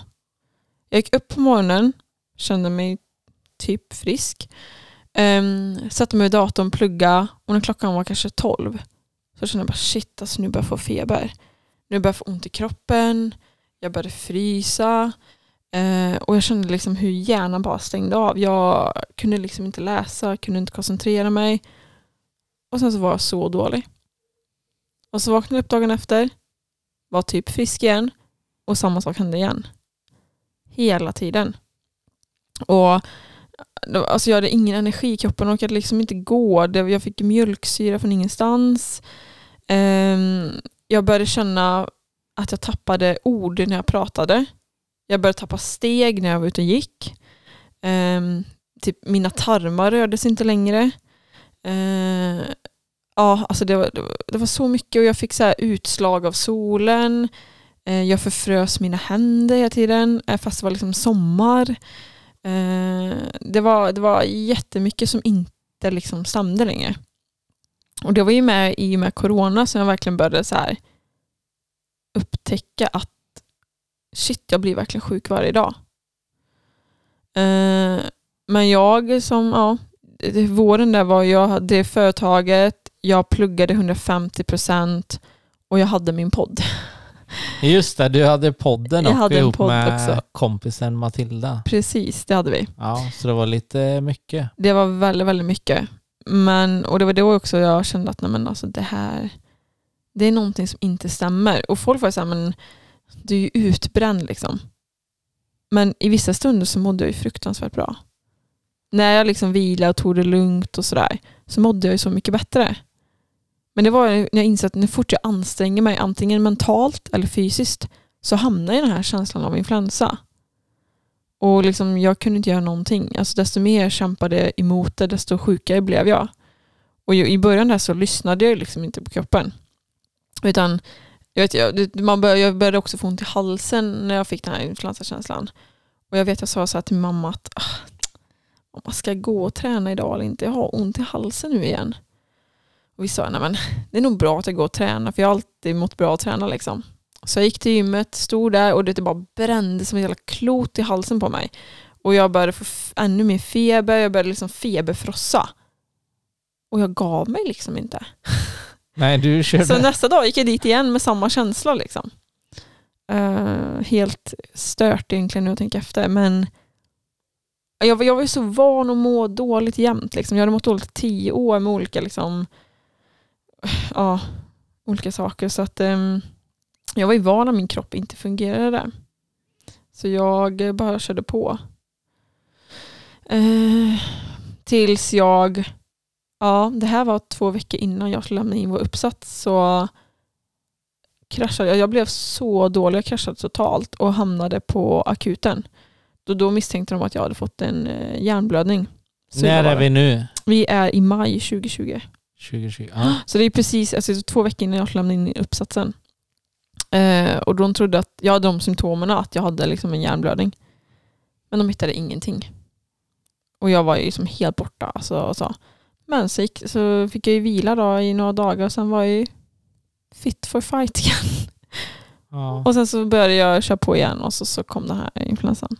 Men det var någonstans där när jag låg på sjukhuset jag kände att nej, det är någonting som inte stämmer. Det är någonting som är väldigt, väldigt fel. Ehm, så då det började egentligen med att jag började söka. Du vet, man söker så på nätet. Mm. Då sökte jag så här influensa varje gång du anstränger dig. Och då kom ju någonting som heter ME upp. Och jag var så här, vet man läser första raderna på ME så här att ja, man såg boll, folk som satt i, sjuk, eller i rullstol och hela deras liv var förstörda. De sov så här 20 timmar varje dygn och så här. Och jag kände bara, nej men gud, det där, det där har inte jag. Så jag bara stängde ner skiten. Det är som att du har ont i tån och så söker så får du fram att du har cancer. Då, då tänker man, äh, skit, nej det, det Nej, du inte jag. kan ju inte googla när du är sjuk. Nej, nej, nej. Men det är ingen idé, livsfarligt. speciellt Så därför tog jag inte det på allvar heller. Nej. Eh, men sen hela sommaren där så var jag ute och städa. Och jag blev ju så sjuk efter varje gång. Alltså så jävla dålig. Och jag kände mig alltså, jag, jag vet liksom inte på kvällen, jag visste inte vad jag höll på med. Jag var helt borta i huvudet och hög, sån hög feber och så ont i halsen och så ont i kroppen. Så då, då kände jag att nej men det är någonting som inte stämmer. Men jag liksom bara körde på. Och så åkte vi till Spanien. Och då, då, då, då trodde jag så här, men kommer jag bara tillbaka till Spanien ska jag sova några veckor och så tar jag det lugnt. Liksom. Men när jag kom hem därifrån så eh, och dagen efter vi kom hem så skulle jag och min pappa sitta och jobba lite. Vi satt och jobbade vid datorn. Och när jag gjorde det så fick jag den här känslan igen. Och då insåg jag att shit, jag kan inte sitta två timmar vid datorn utan att bli jättesjuk. Så jag var tvungen att lägga mig för dagen. liksom. Eh, och så fick jag börja få jättestora sömnproblem. Alltså jag visste inte hur jag somnade in. Jag kunde liksom inte sova längre. Eh, känslan av att somna in var liksom borta. Eh, så det var en natt där. Jag hade varit på gymmet och kom typ, alltså hittade typ inte hem. Jag, jag var så borta i huvudet och hade så, mådde så dåligt i kroppen och hade så ont överallt. Och liksom, ja, jag kan inte fatta att jag gick till gymmet men det gjorde jag ju. Eh, och den natten kunde jag inte somna. Så då sökte jag igen liksom. Och klickade in på den här, jag fick höra fram ME såklart. Klickade in och läste om en historia om en tjej som hade ME. Och när jag gjorde det, det var som att läsa om hela mitt liv. Alltså allt som har hänt under de här tio åren som ingen har kunnat förklara stod där liksom. Hur, hur känns det och hur sjukt är det? Det Med tanke på var- att du, du inte sökt en, två, tre, du har varit Nej, rätt... alltså jag har ju varit, och jag har varit hos varenda läkare i liksom hela Sverige känns som. Under åren. eh, Mm. Utan någon har hittat någonting. Och när jag läste den historien alltså, och jag bara shit my god. Jag har ME. Alltså det var så fruktansvärt. Alltså det var som att hela livet bara rasa och jag fick sån dödsångest. Alltså det går inte ens att beskriva liksom. Så jag klockan var kanske tre på natten, tar upp telefonen, ringer min mamma som en skottspole eh, och bara skriker mamma jag har ME och hon var så här Emily du ligger väl inte här på natten nu och söker på dina symptom. Och jag bara, mamma det här är fan inte kul. Alltså mamma jag har ME, läs, jag har ME typ så här. Eh, mitt liv är över, jag, jag, vad, vad, alltså, jag kommer bli liksom rullstolsbunden, jag kommer inte kunna göra någonting. Och, vad ska jag göra med hemtrevligt? Alltså det var verkligen så här, jag hade panik liksom. Eh, och då sa hon där, men Emily, om du har ME, då, då liksom, det går att bli frisk från den här sjukdomen. Läkarna säger att man inte kan det. Men min mamma har träffat på människor som har blivit frisk från den här sjukdomen. Så det lugnade mig lite. Så Mm. jag liksom, okej, okay, har typ så här. Eh, och sen ringde min mamma mig på morgonen och sa det. Ja, Emily, jag tror också att du har ME. Då hade hon läst. Då hade hon läst det. Samma. Och så samma och så bara shit. Alltså vi hade ju aldrig hört talas om de här sjukdomarna förut. Och det, Vad är ME då för eh, alla som lyssnar nu? alltså det är lite svårt att beskriva för att eh, den är inte så känd i samhället idag. Förut kallades den kronisk eh, utmattningssyndrom. Men man kan säga att det är en, alltså din energiproduktion, immunsystemet och det neurologiska systemet har liksom blivit förstört. Så du är som kronisk utmattad kan man säga. Du blir sjuk av ansträngning, fysisk, psykisk, mental. Alltså kroppen stänger ner dig helt enkelt. Och man vet inte riktigt vad det här beror på. Man har kunnat koppla det till olika saker, till exempel vaccin. Eh, Man har kunnat koppla det till att folk har fått någon, någon virusinfektion som kroppen inte har klarat av. Och ja, vissa har bara fått det. Man, man vet liksom inte. Och man har inte hittat någon botemedel mot det heller. Vad, vad är deras eh, botemedel? Läkarnas botemedel? Vila. Att du ska, för man har som en, jag har som en, eh, en gräns med energi. Och när jag kommer över den gränsen, det är då jag, kroppen stänger ner kan man säga. Så doms tips är ju att leva under din energinivå. Att aldrig komma upp till den gränsen. Ehm, Det är och den inte så lätt för en tjej på 25-26 år. som är till. enormt driven. Nej, som inte är stilla. Eller, nej, men som alltså, har så mycket. Så jag är, då, där då var jag så pass sjuk att jag liksom, där då var min energigräns kanske två timmar vid datorn. Jag, kunde, jag fick liksom lägga ner all träning, allt. Åka in och umgås med kompisar. Fick liksom fokusera på att göra de där två timmarna jag orkade prestera mentalt. De fick jag göra något väldigt bra av. Och det var ju då, det var himla Um, sen med tiden så jag började ju söka efter folk som hade blivit friska från den här sjukdomen och hittade många i USA och även här i Sverige. Eh, och de sa ju det, rekommenderade mig att det är liksom naturlig kost, vila, återhämtning. Eh, det är liksom det du måste göra. Eh, så jag la om helt min kost. De rekommenderade rekommenderade mig en diet som heter GAPS som en diet som läker kroppen kan man säga. Vad är det? Uh, typ kortfattat. Alltså, man, det är som ett protokoll. Du börjar från någonstans ingenstans och sen med mer och mer tiden så lägger du till till mer med mat. Så de första veckorna så lever man på kycklingbuljongsoppa som man kokar själv. Mm. Både frukost, lunch och middag? Frukost, lunch och middag. Och hur Mycket länge är det fermenterat. Det 5-10, men jag gör min egen yoghurt, 5-10 min egna grönsaker, kokar min egen buljong. Mm, alltså allt ekologiskt, allt närproducerat. Så rent som möjligt? Rent, ja. alltså vad man liksom vi skapade för från början. Inga gifter, ingenting. Man plockar bort ja, men, smink och sånt som är gifter, tvål och sånt som är gifter, städmedel och sånt som är gifter. Allt. Liksom. Och när jag gjorde det, då vände det också. Det var hur då det mycket började, vände det? det vände faktiskt ganska snabbt. Ehm, inom loppet av några veckor så hade jag mycket, mycket mer mental kapacitet. Och inom några månader så kunde jag jobba typ 100% utan att bli sjuk. Och inte känna av någonting. Alltså ibland, vissa kan bli hjärntrött och så. Ja. Men inte på det sättet att jag blev golvad liksom. Eh, och nu har jag gått på den här dieten då sedan blir september 2020. Snart ett år. Ja, snart ett år. Och idag jobbar jag mer än 100% utan att bli sjuk. Och jag har också börjat kunna utföra liksom, fysisk aktivitet igen. Promenader. Eh, Hästen. Ibland lite så här försiktigt så. Eh, Mm. Men känner du Känner du själv eh, var din kapacitet ligger. Att det här, får, gör jag det här och det här så slår det tillbaka på mig inom en till två dagar. Eh, Eller är du lite gambling? Jag är väldigt mycket... är ja, alltså jag, alltså jag, jag vill ju så gärna. ja. Och grejen är att när jag har en bra dag, då känner jag mig som, Vem som helst. som vem som helst, som mig själv. Och jag tänker, ja, va- varför kan inte jag gå ut och gå en mil? Och så vaknar jag dagen efter med feber. Man bara, okej, nej det kunde jag inte.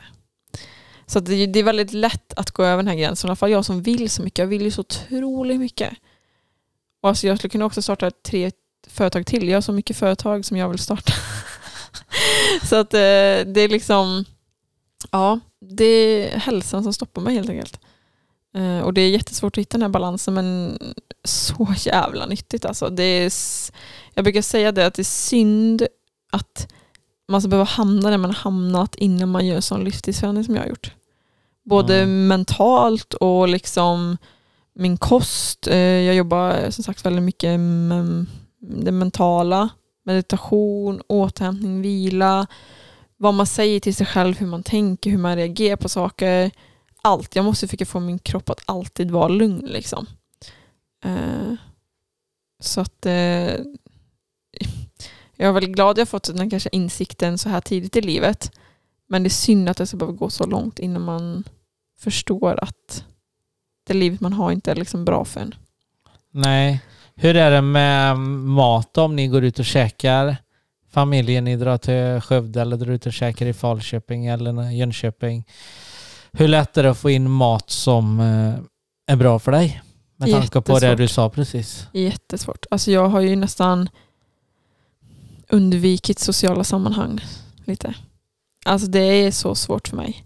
Och jag har ju inte orkat heller umgås med så mycket vänner och allt det där har jag faktiskt fått offra ännu en gång i mitt liv. Fester och vänner och sådär. Men jag har ju otroligt fina vänner som ändå har funnits vid min sida och förstått min situation och ja, kämpar med mig istället. Um, så jag har faktiskt inte varit ute och ätit så jättemycket utan det är nu det sista när jag börjat kunna äta mer och mer mat som jag har kunnat göra det igen. Vad är favoritmaten och enklast att få in för dig? På en restaurang om du går ut och beställer? Alltså typ kanske någon kyckling och eh, typ kokta grönsaker. Ja. Mm, eller någon sallad bör ja. jag kunna äta nu. Ehm, men det, det är ju mer så här, man, jag har ju inte kontroll över hur de tillagar maten. Det är där jag känner. Nej. Har, har de massa socker i salladen eller har de massa socker i såsen eller liksom, hur har de tillagat den här kycklingen? Och, ja, det är det jag tappar kontrollen på som jag är väldigt noga med. Ja. Dricker du alkohol? Eh, Jag har typ inte gjort det fram tills eh, jag gjorde det för någon helg sedan. Provade första gången. Eh, På hur länge då? Ja, det blir väl över ett halvår. Om jag, ja, det blir mer. Om jag har druckit sedan september där. Ja, ett år då. Ja, nästan. Ja. Eh, och grejen att min, ja, min lever där fungerar inte normalt. Nej. Så att eh, den klarar liksom inte att ta hand om alkoholen. Så jag kände ju det att jag var ju bakis i flera, flera dagar efteråt. Och vad drack du då? Eh, då drack jag rosévin. Torrt. Och förmodligen inte en bag-in-box utan några glas. Jag drack kanske tre glas eller någonting. Men det slog ganska väl och jag kände efter nu att jag har känt mig extra typ sliten och så efteråt. Så jag kände att nej, det kanske inte var värt det. Nej, förmodligen inte. Nej. Ändå är det en, en miss. Alla dricker inte alkohol så vi säger heller. Det finns många som väljer bort det i livet också Mm. på olika grunder. Men för dig då som ändå missar gymnasietidens party, Mm. högskolans party Mm. och nu ändå inte bakis tre dagar efter tre glas vin. Mm. Då är det inte så många som hade druckit vin om det hade Nej. varit så rakt överlag. Man blir typ, jag får, man blir inte, man blir inte rädd men man känner så här, nej, åh, alltså det känns lite så här, nej det känns liksom inte bra att göra det. Nej. Man, ehm, jag vill ju bara må bra. Så jag gör ju allt hela tiden för att optimera att jag mår bra. Så då blir det man väljer bort väldigt mycket. Det blir, alltså jag gillar inte känslan att må dåligt. Liksom. Nej, att, det har du ju eh, mått tillräckligt mm. länge i, i livet om man säger så. Ja, så för mig är det inget, alltså jag tycker inte egentligen att det är så mycket Det är kanske det minsta problemet egentligen. Ja, lite Alkohol. så. Ja. Med tanke på att du är nöjd om du Mm. får må bra. Precis. Sen finns det stunder som nu under midsommar. Jag eh, ja, kände mig jättesliten i, i fredags var det. Och väldigt hjärntrött. Och då är det ju så, då, då är jag ju där liksom. Jag kan ju inte, då kan jag ju inte pressa min kropp att vara med till 100% och liksom festa och fira och grejer. Utan ja, jag firade med familjen och så slutade med att jag gick och la mig och sov typ halva midsommar. För jag kände mig så trött och sliten. Eh, och det kan ju vara... Det gör ju lite ont kan jag säga. När man ser alla vänner som är ute och festar och man känner att ja, jag hade också önskat att livet vore så där lätt. Eller man, man önskar bara att man kunde få liksom inte behöva vara så bekymmer om vad, vad konsekvenserna blir. Nej. Att man hade orkat liksom. Ehm, så klart, vissa stunder så känns det jättejobbigt och vissa stunder så är jag jättestark och eh, jätte... ska man säga? Jag har verkligen ändrat hela mitt perspektiv på synen på mig själv. Jag kan tänka mig att du värdesätter grejer på ett annat sätt som inte andra gör. Ja, gud. Alltså det här och... Vad, som är, vad som är guld för dig eller en 10-poängare för dig, det är som för alla andra en vanlig grej. Ja men precis, men typ nu när jag kan börja gå ut och äta med kompisar, alltså det är jättestort för mig. Bara, oh, alltså så här, och de blir så här, oh, men stackars dig som inte kan ta ett glas vin. Jag bara, nej men alltså jag är ju här, jag sitter här med dig och vi kan sitta en hel kväll och umgås och jag har energi. Alltså det här är fantastiskt typ. Ja. Eh, Så att jag också har ju ändrat mycket mitt mentala och det här att jag skulle kunna jämföra med så mycket vart jag en gång har varit. Att jag var den som kunde springa två mil. Jag kunde vara två timmar på gymmet. Men om jag sitter så här vem jag en gång var och vad jag är då, alltså det blir sån inre stress och så mycket sorg. Istället för att säga, oh, men nu har jag, idag kan jag göra det här och nu har jag kommit så här långt. Du är och egen företagare. ingen du har företagare, ja. jag gör det här och det här och hela tiden alltså, ändra mitt mindset hur jag ser på saker och ting. Jag firar de små framstegen och är glad för det jag har runt omkring mig och in, säger till mig vad stark du är Emelie, vad frisk du är, vad bra du mår. Inte så åh, gud nu har du feber igen, nu kommer det, nu kommer det bli sämre. Utan hela tiden bara positivt, positivt, positivt liksom. Men hade, nu när jag har lyssnat på dig här nu, jag tror ju också att hade inte du varit så stark så hade du säkert varit lika sjuk än. Ja det tror jag. Och inte varit så positiv och inte haft några mål. Inte haft Mm. Hade du inte haft företaget, ja, jag har inte en aning om vad du hade jobbat med men det hade kanske inte gått så lysande. Nej, verkligen inte. Alltså jag, jag ser att jag hade aldrig klarat och för många, många blir så här, hur kan du ha företag när du har den här sjukdomen? Eh, och då brukar jag säga, men jag hade aldrig kunnat ha en vanlig anställning. Jag kan inte prestera 7 till 17. I m- mina timmar kanske är på kvällen eller på morgonen. Eller liksom, jag kan ju styra hela tiden själv, liksom anpassa, gå och lägga mig en timme, fortsätta jobba. Eh, och sen känner jag också att bara för att jag har fått en diagnos Ska det innebära att mitt liv är över då? Ska jag sluta drömma? Ska jag sluta vara den jag är? Jag tror inte på det. Jag tror inte på att bli sin sjukdom. Jag tror på att fortsätta liksom ha drömmar, ha mål, ta sig framåt. Alltså jag, jag drivs ju av utveckling. Det är det bästa jag vet. Alltså det, det är det som motiverar mig i livet. Att hela tiden göra projekt, ta mig framåt. Liksom. Ha någonting att pyssla med. Och skulle jag då bara ligga i sängen rakt upp och ner bara för att jag skulle liksom vila och stänga ner allt. Alltså jag tror inte jag hade blivit frisk på det. Nej, det tror inte jag heller.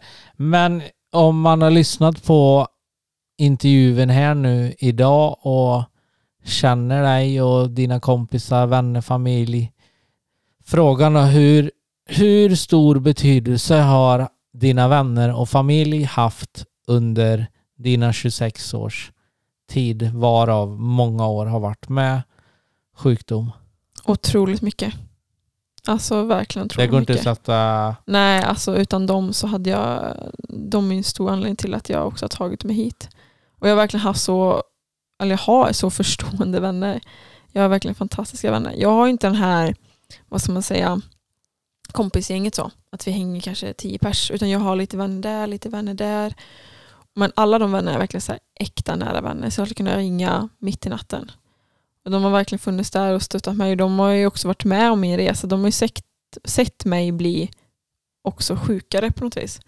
De har ju varit med från starten och sett hur mycket jag har kämpat. Um, och ehm, ja, de betyder otroligt mycket för mig. Kommer du någon gång kunna bli helt, helt frisk? Tror Ja. du själv? Jajamän, Mm. det är jag övertygad om. Det kommer jag bli. Alltså jag ska bli det, punkt slut. Ja. Utropstecken. Ja. Det Ja. är ingen att diskutera. Nej, men jag frågar bara, men det är så gött. Jag frågar alltid gästerna innan om det är någonting jag inte får fråga och det gjorde jag även med Emily idag och då fick jag svaret, du får fråga precis vad du vill och det är det som är skönt Mm. med att få till ett gött snack liksom. Mm. Men jag tror jag också vill säga att det, det är så mycket så här fina fasader idag. Och att, alla, att man tror att alla som har lyckats är de som liksom glider på bananskal. Men jag tror det är tvärtom.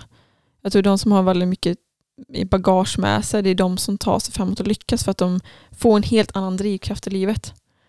Och att, Ja, de får eh, kämpa lite ja, hårdare för att precis. bevisa. Ja, att det finns det liksom tänds en gnista i dem på ja. något vis. Ditt Mm. absolut bästa tips till ungdomar som lyssnar på podden nu för att starta ett eget företag oavsett vilken bransch det är. Vad är ditt bästa tips till dem som lyssnar? att inte vara så rädda. Jag tror man, man, man, man är ung och man tänker att jag kan ingenting, jag vet ingenting. Men du lär dig. Du, be, du behöver inte ha så mycket kunskap. Det, liksom, det finns så mycket hjälp att få. Det finns så många människor som kommer stötta och hjälpa dig. Att våga helt enkelt. Våga ta steget. Mm. Ni, För- jobbar, ni ska jobba med något i Falköping kommande vecka nu? Eller? Jag ska vara coach på Ung Drive i Skövde och coacha tio em, ungdomar som är mellan, jag tror mellan 15 och 18 som under för, eller sommaren ska starta eget företag. Ja. Så kommer jag hand om tio ungdomar där. Det ska bli jättekul faktiskt. ja, det kan jag tänka mig. Mm. Det är ändå lite, då ser du redan där, du kanske känner igen dig till och med. Ja, precis. Och de går ju mycket efter det här eh, dröm stort, börja smått. Att det behöver inte vara, alltså man behöver inte tänka så revolutionerande så långt ifrån utan det finns väldigt små saker man kan faktiskt starta med. Mm. Hur viktigt eh, är det att ha mycket pengar om man ska starta något? Inte viktigt. Nej. Men en buffert i alla fall. Ja, men alltså det, idag finns det så mycket eh, sätt att alltså få alltså kapital. Det behöver inte vara från dina pengar du startar företaget. Du kan hitta investerare som hjälper dig. Det finns ju många jag känner som inte har lagt knappt en krona på sina egna företag utan eh, har liksom tagit in investerare istället. Så, och sen är det också vad du ska starta. Du kan ju starta för någonting som inte kräver så mycket kapital och du kan starta något som kräver otroligt mycket kapital. Eh, Så jag vill inte att man kanske bara fastnar just den grejen att jag har inte så mycket pengar. Nej. För det finns Alla- alltid ja. investeringar, alltså folk som kan hjälpa dig att starta. Ja. Ehm, ja, Det var det. det var det. Vi ska köra en paus det i alla fall och sen så vi bränna av fem snabba.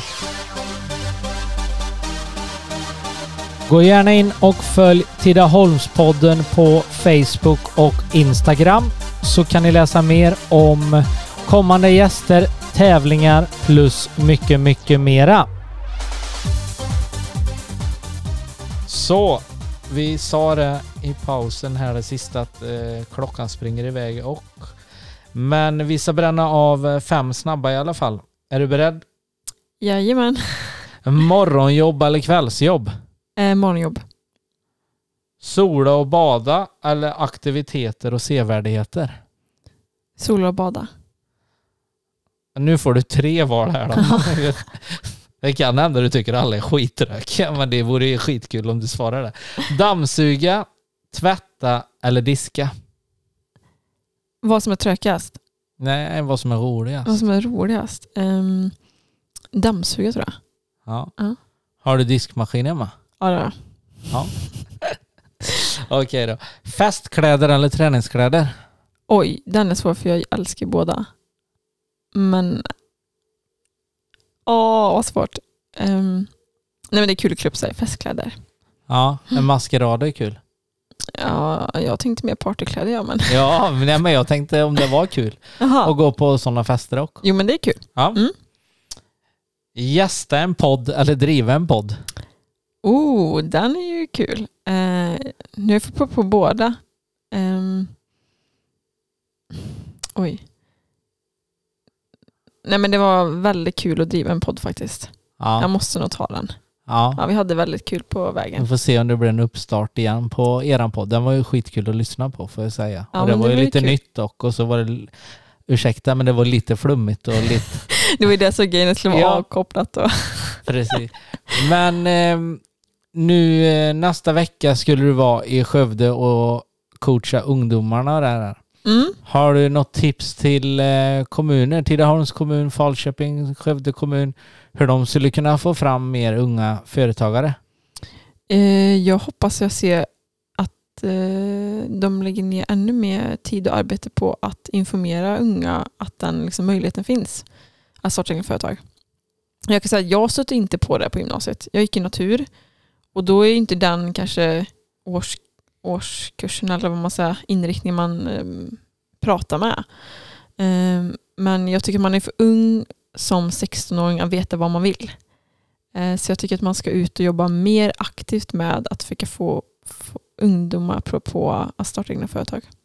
Ja. Mm. Sista frågan då innan vi rundar av. Stämmer det fortfarande det gamla uttrycket att det är en tre hu- hundår man får slita innan man kan plocka någon lön? Eller sitter du och plockar fetinglön på ditt jobb? Eh, det stämmer till 110 procent. Jag har fortfarande tagit min första lönen så vi får se. Nej, nej, men det är mycket pengar. Alla pengar som går in liksom, det ska ju investeras och det kostar ju att driva och löner och skatter och bilar Allt. och material. Allt. Det är nog min största chock med att starta eget företag som jag inte trodde. Hur dyrt? Hur dyrt det är och hur enormt mycket arbete det krävs i början. Och att få allting att rulla. Så man, liksom, man vänder på mina kronor i början för det är så mycket kostnader. Ja. Det, det är stört alltså. ja. Så jag förstår varför man säger att det är 300 år minst i början för det är det verkligen alltså. Det ska jag inte sticka under stolen med. Det, det är otroligt mycket hårt arbete. Ja. Nej men eh, Emily det har varit skitkul Mm. att du tog snyggbilen till Tidaholm idag. Och så eh, i höst nu då skulle ni starta i, vilka städer var det nu då? Mer Det- än Tidaholm? Eh, jo, Lidköping och Skövde också. Ja. Mm. ja men jag, jag kommer återkomma så får du skicka hit någon eller också får du komma hit själv. Kul. Ja, men ha en fantastiskt bra sommar. Tack så mycket. Detsamma. Välkommen till den lilla mysiga butiken Violen, belägen mitt i centrala Falköping. Hos dem hittar du inredning, blommor, porslin, uteväxter och presenten med det där lilla extra. De utför alla typer av binderier, både vid glädje och vid sorg. Violen är butiken där personalen lägger stort värde på att alla ska känna sig välkomna och glädja människor i hela Falköping genom att köra blomsterbud i hela kommunen. Under vecka 31 får du som anger Tidaholmspodden i kassan 30% på en vara. Följ dem gärna på Facebook och Instagram. Länk hittar ni på Tidaholmspoddens Facebook-sida. Jessica och tjejerna på violen hälsar er alla varmt välkomna till blomsterbutiken med det lilla extra beläget mitt i Falköping.